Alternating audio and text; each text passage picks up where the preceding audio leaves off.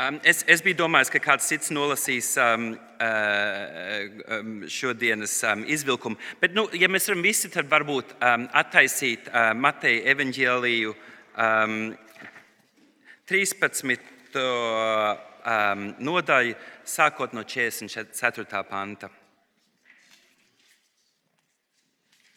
Mateja evanģēlī. Cerams, jums būs Bībeles tūp pie rokas. Mēs samērā būsim lielākoties Mateja evanģēlijā, bet šur tur mēs leksim par jauno derību arī. Bet mums, mums būs īs izvilkums. Mateja evanģēlī 13. nodaļa, sākot no 44. pantu. Debesu valstība līdzinās tīrumā apslēptai mantai, ko cilvēks atrada un paslēpa, un priecādamies par to, noiet un pārdod visu, kas tam ir, un pērk šo tīrumu. Vēl debesu valstība līdzinās tirgotājam, kas meklēja dārgas pērles, un, atradis vienu sevišķi dārgu pērli, nogāja un pārdeva visu, kas tam bija, un nopirka to. Es, eh, pirms es, es sākšu, es gribēju uh, noskatīt arī, arī lūkšanu. Un es gribēju arī atvainoties. Es, es nezinu, vai cerams jūs neņemsiet pie ļauna, bet nu, Austrālijas trimdas loģikā mēs esam kā brāļi un māsas ar vienu to pašu debesu tēvu. Un, un man ir grūti nelietot tu visu laiku. Tad lūdzu, neņemiet pa, pa ļaunu. Bet eh, ļauj man, ļauj man eh, noskaidrot lūkšanu. Mīļais debesu Tēvs, Tu mūs esi savedis šeit, šodien dzirdēt par Tavu mīlestību un Tavu debesu valstību. Palīdzi man runāt skaidri un uzticīgi Tavam vārdam, un atver mūsu sirdis ar Tavu svēto garu, lai varam dzirdēt par Tavu brīnišķīgo debesu valstību Jēzus mīļā vārdā mēs lūdzam. Āmen. Kopš es esmu apbraucis uz Latviju, es esmu domājis, kā būtu bijis būt kristietim Latvijā vēlos 40. gados. Komunisti turpināja augt varā, turpināja nospiest ticīgos. Esmu dzirdējis stāstus, kā bērniem prasīja skolā, vai vecākiem piemin Jēzu mājās, vai vecāki mīļo Jēzu. Un tie, kas atbildēja pozitīvi, dažreiz vecākus aizsūtīja gan uz Sibīriju, vai uz stūra māju. Bija jānoraksta vārdus no tiem ticīgiem, kas atnāca uz baznīcu, un beigu rezultāts palika kur iepriekš lielākoties latvieši regulāri nāca uz baznīcu, tagad mums ir valsts, kur daudzi nesaprot, kas ir vissvarīgākā nozīme pat lieldienām un Ziemassvētkos. Uz momentu padomā, kā jūs būtu bijuši tajā laikā. Karš beidzies, daudzi cerēja, ka sabiedrotie vēl nāks un atbrīvos no okupantiem. Būtu viegli vismaz man domāt, cik ļoti pietrūkst tā paša draudzes dzīve, kas agrāk bija tik raita. Man pietrūkst laiks, kad mācītājs varēja runāt brīvi un izteikti. Man pietrūktu tas laiks, kad man nebūtu jāuztraucās, vai kāds draudzē ir vervēts, jeb pateiks kaut ko par mani. Zem okupantu varas dzīve bija ļoti atšķirīga. Es būtu apskatījies uz saviem bērniem, uz badu, uz postu, kas visapkārt kā slimība būtu skārusi manu zemi un manu tautu. Es uztrauktos un varbūt pat šaubītos, kādu darbu es jaunā sistēmā, kā kristietis, varētu dabūt. Es cerētu, ka drīz Dievs atves tos labos laikus, ka varējām atkal brīvi satikties. Bet mēneši drīz pārvērtās pa gadiem. Gadi gāja garām, un laiku dzīves nezāles mēģinātu noslāpēt manu ticību, kā arī manas tautas ticību. Tas notiktu lēni, nemanāmi. Un pirms es pat būtu pats apjēdzis, kas notiktu, tā mīlestība, ko es agrāk jūtu Jēzu, kā dvaša, būtu varējusi pazust. Ikdienišķā dzīvē pārņemtu daudzas manas domas, un Dievs man justos varbūt kā bērnu pasaciņa, kurš vienreiz bija tik nozīmīgs, bet tagad liekas kā naiva, neiedzīga doma. Īstenībā daži svarīgi jautājumi, par ko mums vajag padomāt, ir, cik mums katram ir svarīga mūsu pestīšana. Cik mums tiešām ir svarīga tuvas attiecības ar Dievu, un kas mums patiesā, patiešām dzīvē ir vissvarīgākais - nekā dziļas attiecības ar Jēzu. Šodien mēs pētīsim divas līdzības, ko Jēzus lietoja mums palīdzēt atbildēt tieši šos jautājumus. Un mums māca, cik tiešām vērtīga mums vajadzētu būt Dieva valstība. Bet vispirms mums vajag padomāt, kāpēc Jēzus runāja līdzībās. Cerams, jums vēl eh, kaut kāds pirkstiņš, ja pīkšķis ir Mateja evaņģēlijā, Ja mēs skatāmies vēl 13. nodaļā, no 10. panta. Un mācekļi piegāja pie viņa un sacīja: Kāpēc tu tiem runā līdzībās? Bet viņš atbildēja uz tiem un sacīja: Jums ir dots zināt debesu valstības noslēpumus, bet viņiem tas nav dots. Jo kam ir, tam tiks dots, un tam būs pārpilnība bet kam nav, tam tiks atmie, atņemts arī tas, kas tam ir. Tāpēc es uz tiem runāju līdzībās, jo tie redzami neredz, un dzirdēdami nedzird un nesaprot. Svētdienas skolā mēs varam nepareizi mācīt bērniem, nu, vismaz Austrālijā, varbūt ne, ne šeit ka Jēzus lieto līdzības palīdzēt cilvēkiem saprast, ko viņš māca. Lai varētu labāk saprast stāstus, lietot ikdienišķus stāstus. Latviešu valodā mums arī pagrūtina fakts, ka līdzība mums izrausina tādu domu, kas ir, eh, kas ir viegli acīm redzot tāds pats, jeb ir kas ir līdzīgs. Piemēram, kad mēs sakām, ābols nekrīt tālu no ābeles. Lai nu te mēs lasām, ka Jēzus izskaidro mācekļiem, ka līdzības frustrē un sagrūtina saprāšanu, un ka daži ar acīm vaļā neredzēs. Bet citi, kas tiešām grib saprast, ko Jēzus skaidro, būs pievilkti pie viņa klāt, būs pievilkti ar vēlmi uzzināt vairāk. Svētais gars pievirzīs viņus pie līdzības patiesības. Tātad, kad lasām šodien šīs līdzības, mums druskuļi būs jāpiestrādā viņas tiešām saprast. Otra lieta, kas mums ir svarīgi atcerēties ar līdzībām, ir, ka mums nav jāatrod kāda, katrai detaļai tiešo paralēli. Jēzus caur līdzībām parasti mums kaut ko māca, kādu lielu domu. Mums tik jāmeklē, kas tā ir. Un mums tad nevajag tērēt daudz laika, uztraukties par katru detaļu un kā, kādu paralēli. Un tā, ar visu to, kā Andris teica, paņemsim savas galvas eh, rokās, jo te mēs esam.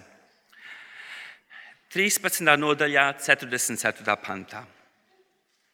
Debesu valstība līdzinās tīrumā apslēptai mantai, ko cilvēks atrada un paslēpa, un priecādamies par to, noiet un pārdod visu, kas tam ir, un pērk šo tīrumu.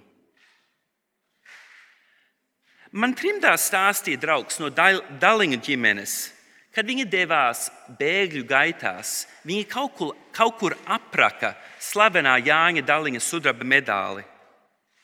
Citi ap, apraka tautas tērpus, citi uniformas vai sudraba servīzi.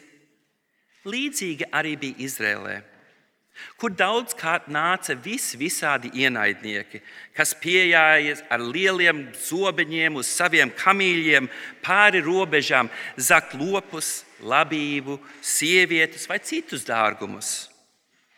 Tanīs laikos nebija bankas, kur droši varētu noguldīt savu naudu vai dārgumus. Lai nenozaktu visu vērtīgo, dārgumus bija jārok zemē un krīzes laikā varētu kaut ko izrakt un palietot.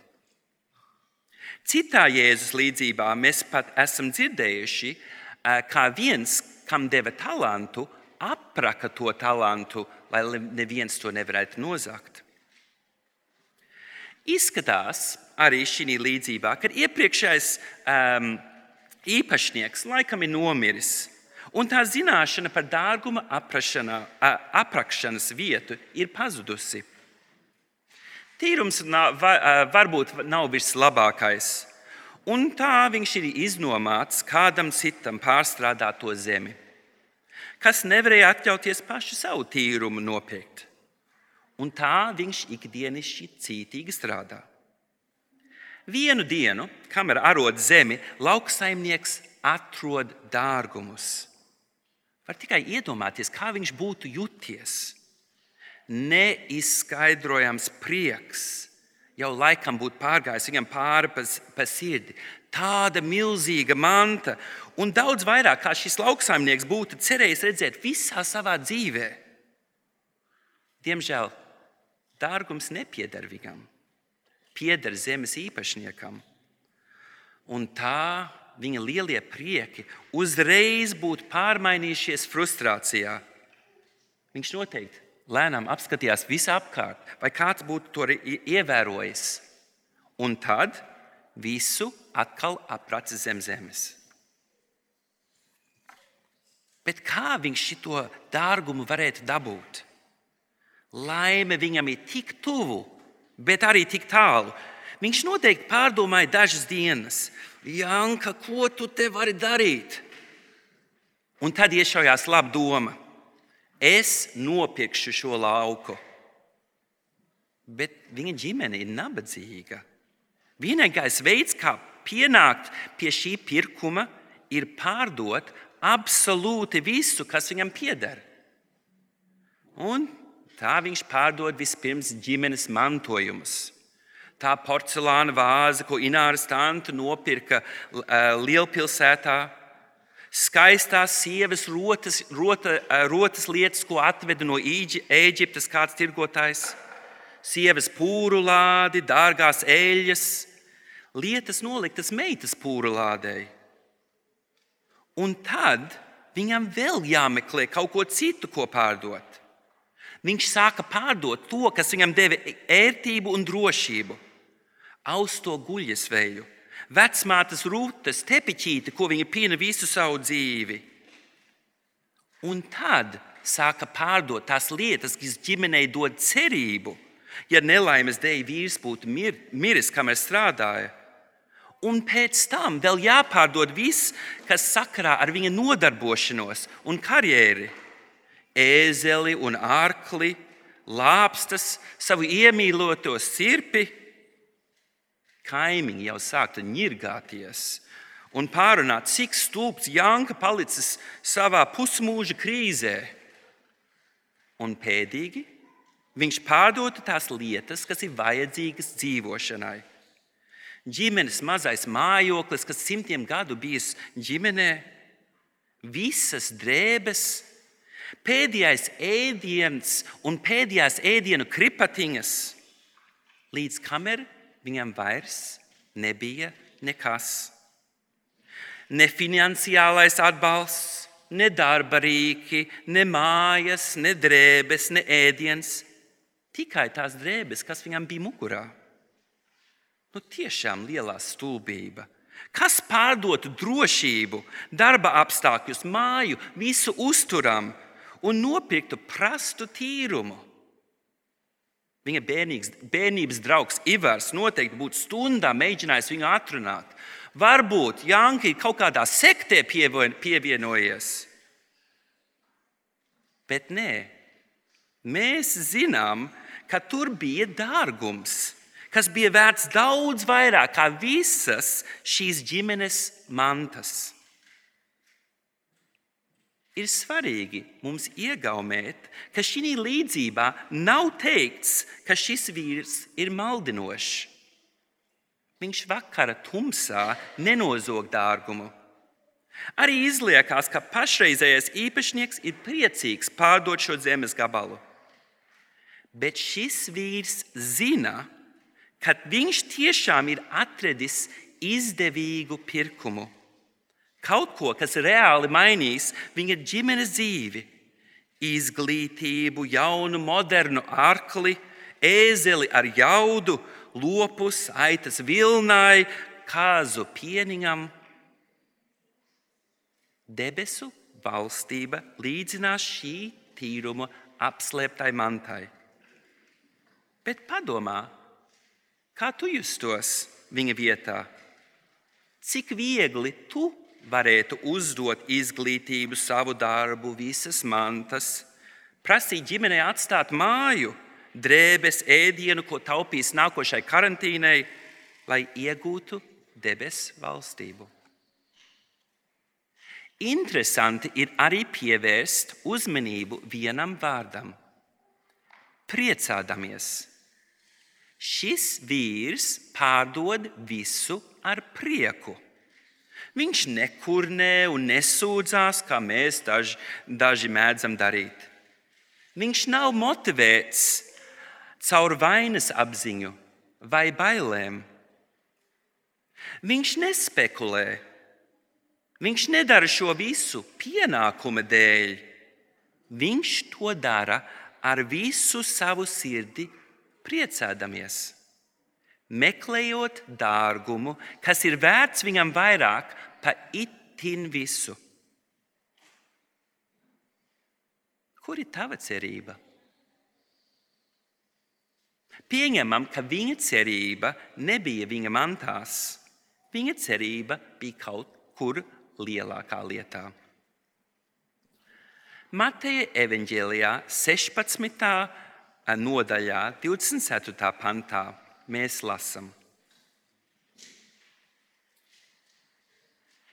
Tad Jēzus sacīja uz saviem mācekļiem: Ja kas grib man sekot, tam būs sevi aizliegt, ņemt savu krustu un sekot man. Jo, ja kas grib izglābt savu dzīvību, tas to zaudēs.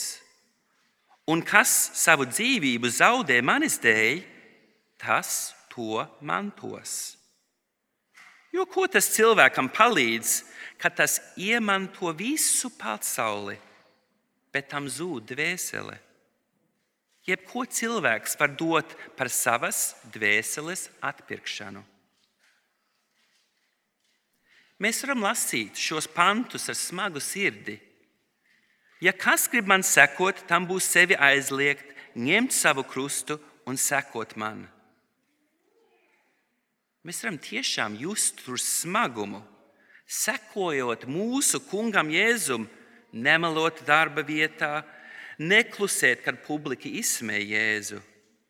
Runājot ar draugiem un paziņām, kas nezina Jēzu par, Jēzu, eh, par debesu valstību, pieturieties pie visiem valsts likumiem un nodokļiem. Un kad draugiem dzīves izliekas vieglākas, var izjusties vientuļi nesot savu krustu. Ir dažreiz viegli aizmirst teikuma otro daļu, jo kas grib izglābt savu dzīvību?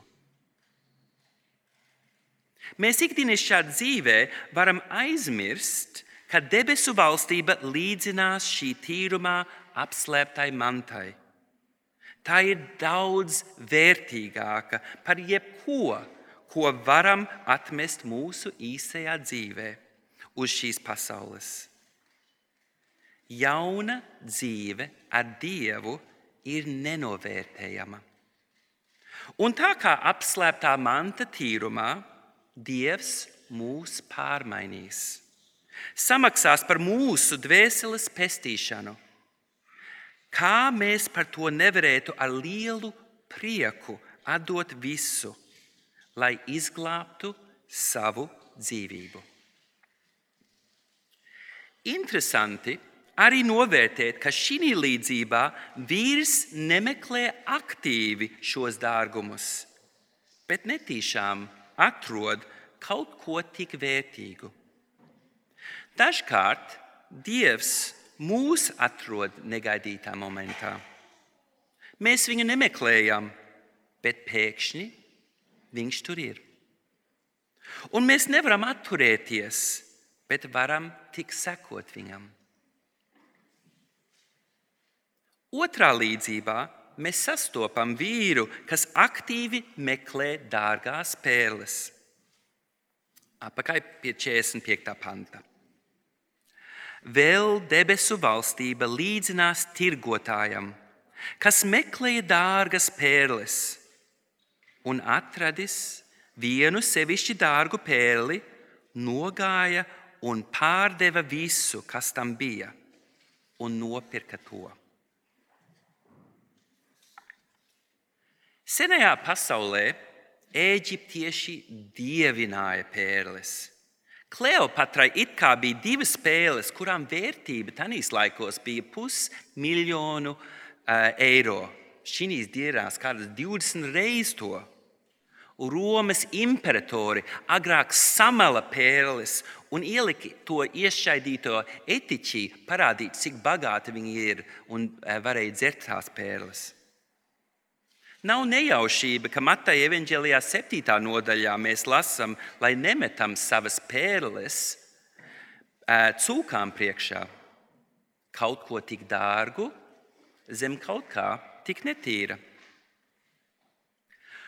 Mūsu tirgotājs laikam ir vecāks.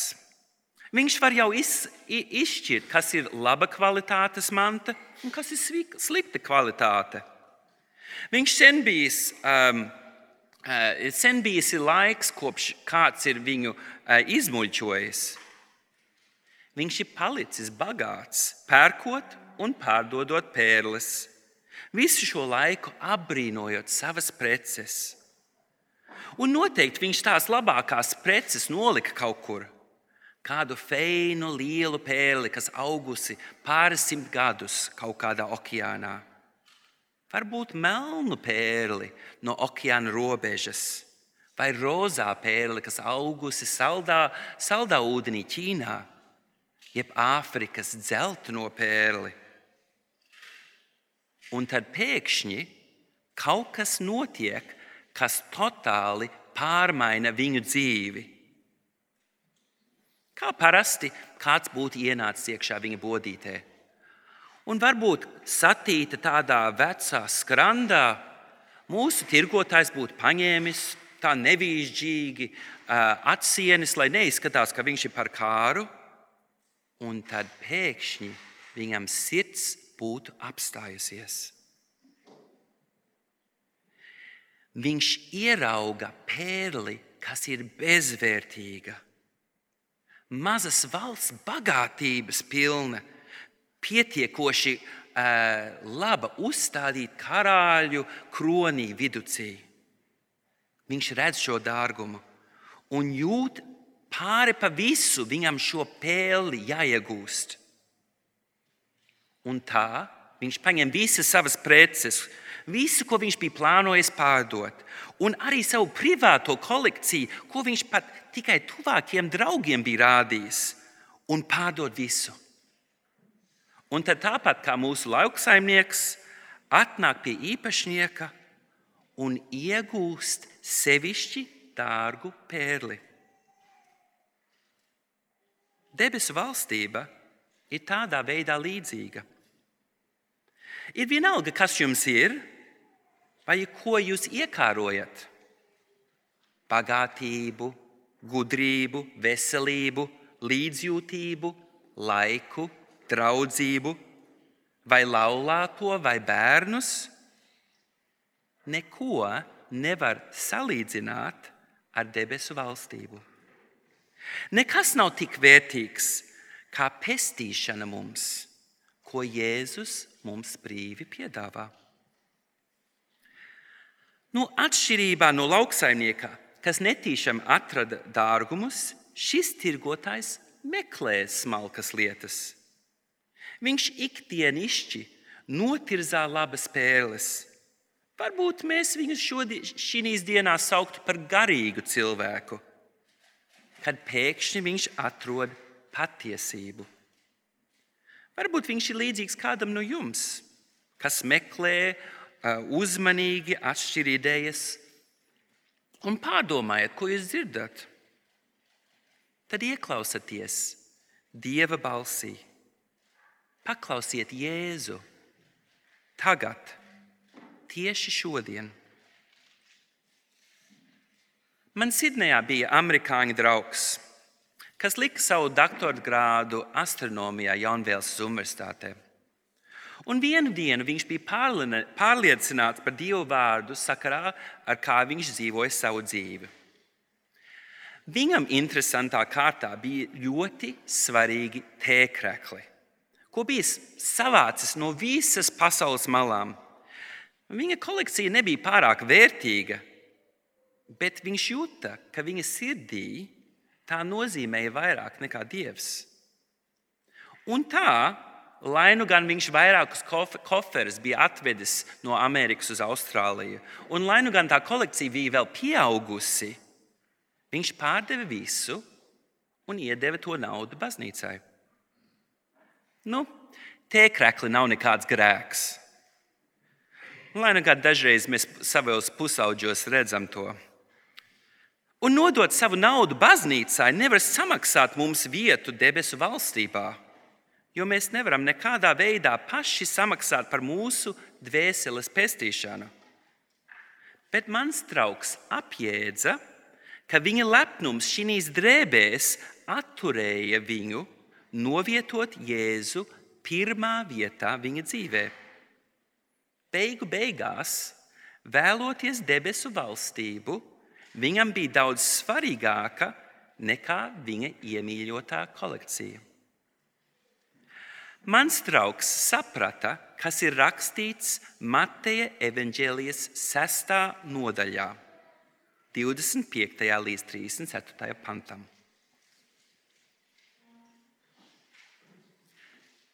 Tāpēc es jums saku, neuztraucieties savas dzīvības dēļ, ko ēdīsit un ko dzersit, ne arī savas miesas dēļ, ar ko ģērbsieties Vai dzīvība nav labāka nekā barība? Un vai miesa nav labāka nekā drēbes? Skatieties uz putniem gaisā. Ne tie sēji, ne tie pļauj, ne tie sakrājas čūņos, un jūsu debesu tēvs tos baro. Vai tad jūs nesat daudz labāki nekā viņi? Kurš jūsu starpā var ar zudīšanos savam mūžam pielikt kaut vienu olekti. Un kāpēc jūs sūdāties apģērbja dēļ? Mācieties no puķiem laukā, kā tās aug, ne tās stāda, ne tās vēpj, tomēr es jums saku. Ir Salamans visā savā godībā, nav tā bijis apģērbts kā vienam no tām. Ja tad Dievs zāli laukā, kas šodien stāv un rīt tiek iemesta krāsnī, tā ģērbj, vai tad nedaudz vairāk jūs, jūs mazticīgie? Tāpēc jums nebūs zudīties un sacīt, ko ēdīsim, vai ko dzersim, vai ar ko ģērbsimies, jo pēc visa tā pagāni dzenās, jo jūsu debesu tēvs zina, ka jums visa tā vajag. Bet zenieties pa priekšu pēc Dieva valstības un pēc Viņa taisnības tad jums visas šīs lietas taps piemestas.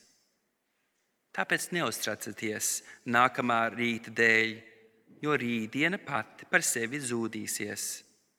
Ikvienai dienai pietiek pašai savu bēdu. Šis izvilkums ir man tuvu pie sirds. Divi iemesli dēļ. Pirmkārt, mācītājs sprediķoja par šo izvilkumu manās kāzās kādus 20 gadus atpakaļ. Un otrkārt, mēs tieši šo iz, izvēlējāmies, jo ikdienišķā dzīvē ir grūti pilnīgi uzticēties Jēzum un neuztraukties, par ko mums vajag pašiem darīt. Dieva vārds mums nesaka nestrādāt. Mums nesaka, ka nevajag būt izvēlīgs ar savu darbu. Tik neuztraucieties par šīm lietām. Bet jūs varat prasīt, ko man vajag pārdot manā dzīvē? Angļu teologs un mācītājs Spurģens skaidroja, ko mums vajag mūsu dzīvē pārdot. Viņš teica, ka vispirms mums vajag pārdot mūsu aizspriedumus, ko turam kristietības dēļ. Nu, tās lietas, ko ieskaitām kristietībā, bet rodas no mūsu pašas kultūrās izcelsmes un nav bāzētas Dieva vārdā. Otrakārt, mums jāpārdod mūsu paštaisnība. Kā mēs varam justies labi par sevi, kad darām reliģiskās lietas mūsu dzīvē? Un ka varam justies, ka Dieva acīs esam nu gan pietiekoši labi ar mūsu pašu pūlēm. Un tā mums, mums jāpārdod mūsu paštaisnība un jānāk pie mūsu Jēzu nožēlojušies. Pēc tam mums jāpārdod visas tās lietas, par ko mums ir liels lepnums. Tās lietas, ar ko mēs definējam sevi kas nav Kristū. Varbūt mūsu raksturs, mūsu vaļas prieks, mūsu prāts, kāda meistardarbība, mūsu darbs, kā uzskatām savu ķermeni. Spurģens turpina skaidrot, ka dažiem no mums jāpārdod arī grēcīgas baudas. Tās lietas, par ko mums ir liels kauns, bet kaut kādā veidā mēs vēl turam pie mūsu sirds stūmā.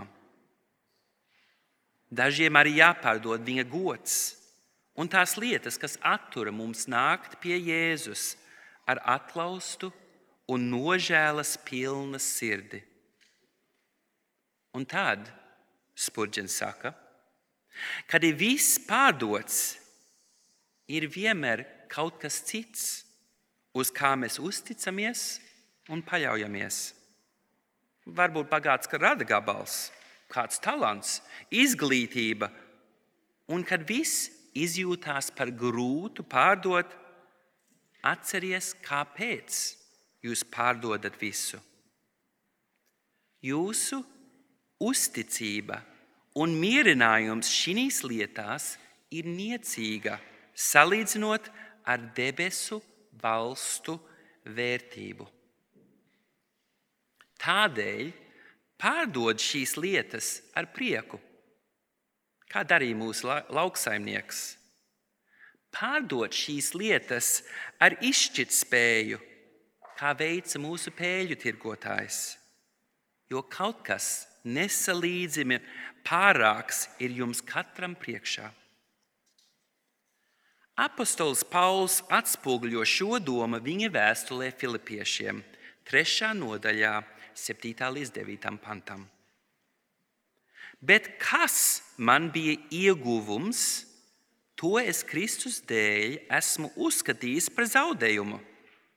Bet arī tagad es visu to uzskatu par zaudējumu, salīdzinot ar mana kunga Kristus Jēzus atziņas nesalīdzināmo pārākumu, kura dēļ es visu to esmu zaudējis un uzskatu to par mēsliem, lai Kristu iegūtu un atrastos viņā. Negūdams savu taisnību no bauslības, bet no Kristus ticības, taisnība no Dieva un ticī, uz ticības pamata. Pauls atkārto, cik mums vajadzētu kārot pestīšanu, vairāk par visām lietām. Kunga Jēzus Kristus atziņas uz ticības pamata. Mēs to nevaram nopirkt paši.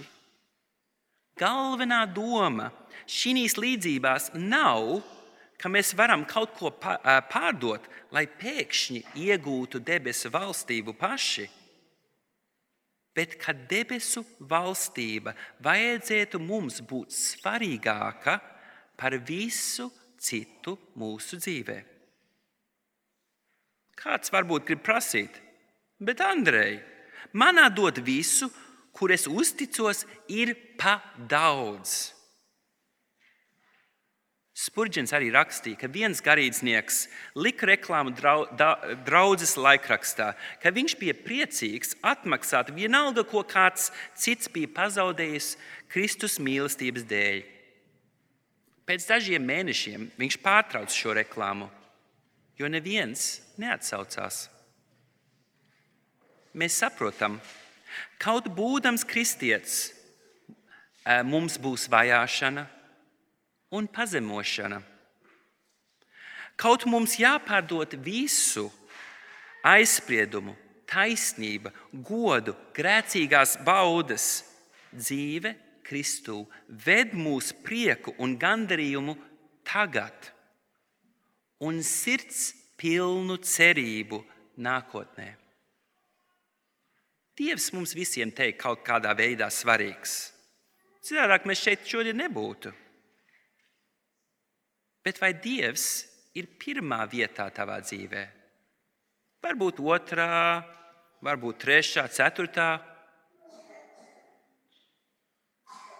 Ir interesanti iegaumēt, ka lauksaimnieks un tirgotājs atrada kaut ko dārgu negaidīti.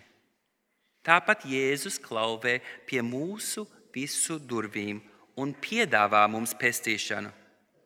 Mēs nevaram tikt uz debesu valstīm ar mūsu pūlēm un sviedriem. Mēs nevaram samaksāt ieejas maksu ar naudu, ko saņēmām par mantu pārdošanu. Tomēr Dievs grib mūsu visu, visu mūsu sirdi, līdzīgi lauksaimniekam, kas ar prieku pārdeva, un visu mūsu prātu, kā tirgotājs, kas meklēja patiesību ar izšķirtspēju pārdot visu. Bet, lai gan nevaram paši samaksāt tik debesu valstībā, ir viens cits, kas var to samaksāt. Nesen es dzirdēju citu izskaidrojumu arī šīm līdzībām. Kā būtu, ja dieva izredzētie ir tīruma aprakti dārgumi un dārgā pērle? Tad visi ticīgie, mēs esam tie dārgumi. Un cik mūs nopirkt maksāja dievam? Dievs nevarēja taisīt kompromisu uz viņa taisnības vajadzībām, un tā par mums samaksāt maksāja Dievam viņa pašas izlījušās asinis uz krusta. Jēzum izmaksāja viss, lai mūs atvestu pie viņa šķīstus un pestītus. Jēzum izmaksāja viss, palikt par cilvēku dzīvot nabadzīgā pilsē, lauku pilsētiņā, tālā Romas impērijas malā. Visuma radītājs dzīvoja nabadzībā, bet viņam nevajadz, nemaksāja tikai viņa dzīvesveids, bet viņš nesa pasaules grēkus uz viņa mīļiem pleciem. Viņš nesa manus grēkus, viņš nesa tavus grēkus pazemots un nevainīgs. Viņš mira briesmīgu krusta nāvi, samaksāt, lai es un tu varētu nākt debesu valstībā. Mēs sekojam Dievam, kas tā kā lauksaimnieks un tirgotājs dod visu mūsu dēļ Kā tad mums vajag atsaukties tādai augstsirdībai? Tātad, ko mums vajadzētu pārdot, izglābt mūsu dvēseli? absolūti neko. Mums viss ir jau samaksāts. Bet pie kā mēs pieturamies? Kas apstādina mums tiešām viņam dot mūsu visu? Kā tad mēs varam nest savu krustu, lai izglābtu savu dzīvību? Par ko tu uztraucies? Par drēbēm, feinu ēdienu, ekskluzīvo kafiju? Ja vai uztraucies par nākotni, par Latvijas un Eiropas drošību, par Ukrainas karu? Katru nedēļu jūs te dzirdat Dievu vārdu sludinātu. Katru nedēļu Dievs parāda jums savu dārgumus. Viņš atved jums dārgu pērli tieši tavās rokās. Šonadēļas nogali paņem momentu padomāt, ko tev vajag vēl pārdot vai atdot tavā sirdī vai prātā, kas ir svarīgāks par Jēzu tavā dzīvē. Palūdz Dieva palīdzību. Kas attura tevi no Dieva valstības? Un tad ar prieku pilnu sirdi liec Jēzu pirmā vietā dzīvē, jo debesu valstība ir vērta daudz vairāk nekā jebko, tu vari iedomāties. Lūksim Dievu. Mīļais debesu Tēvs, palīdzi mums būt atklāti paši ar sevi un ar Tavu svēto garu spēku. Palīdzi mums redzēt, kas attura mums Jēzu likt pirmā vietā mūsu dzīvē. Dziedē mūs un palīdz mums pārdot to nastu, ko turam tuvāk sirdī kā tevi. Lai mēs varētu atnākt pie tevis ar pareizo sirdi, iegūt tavu bezcenas žēlastību, pestīšanu un cerību vienu dienu atgriezties mūsu īstā mājā, kur tu mums noslaucīsi mūsu asaras. Paņemsi prom mūsu bēdas un sāpes, iztīrīsi mūs no visiem grēkiem un dosi mums dzīvi perfektā klātbūtnē ar tevi, visu radītāju.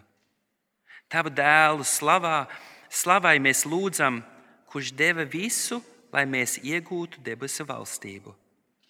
Jēzus vārdā mēs lūdzam, Amen!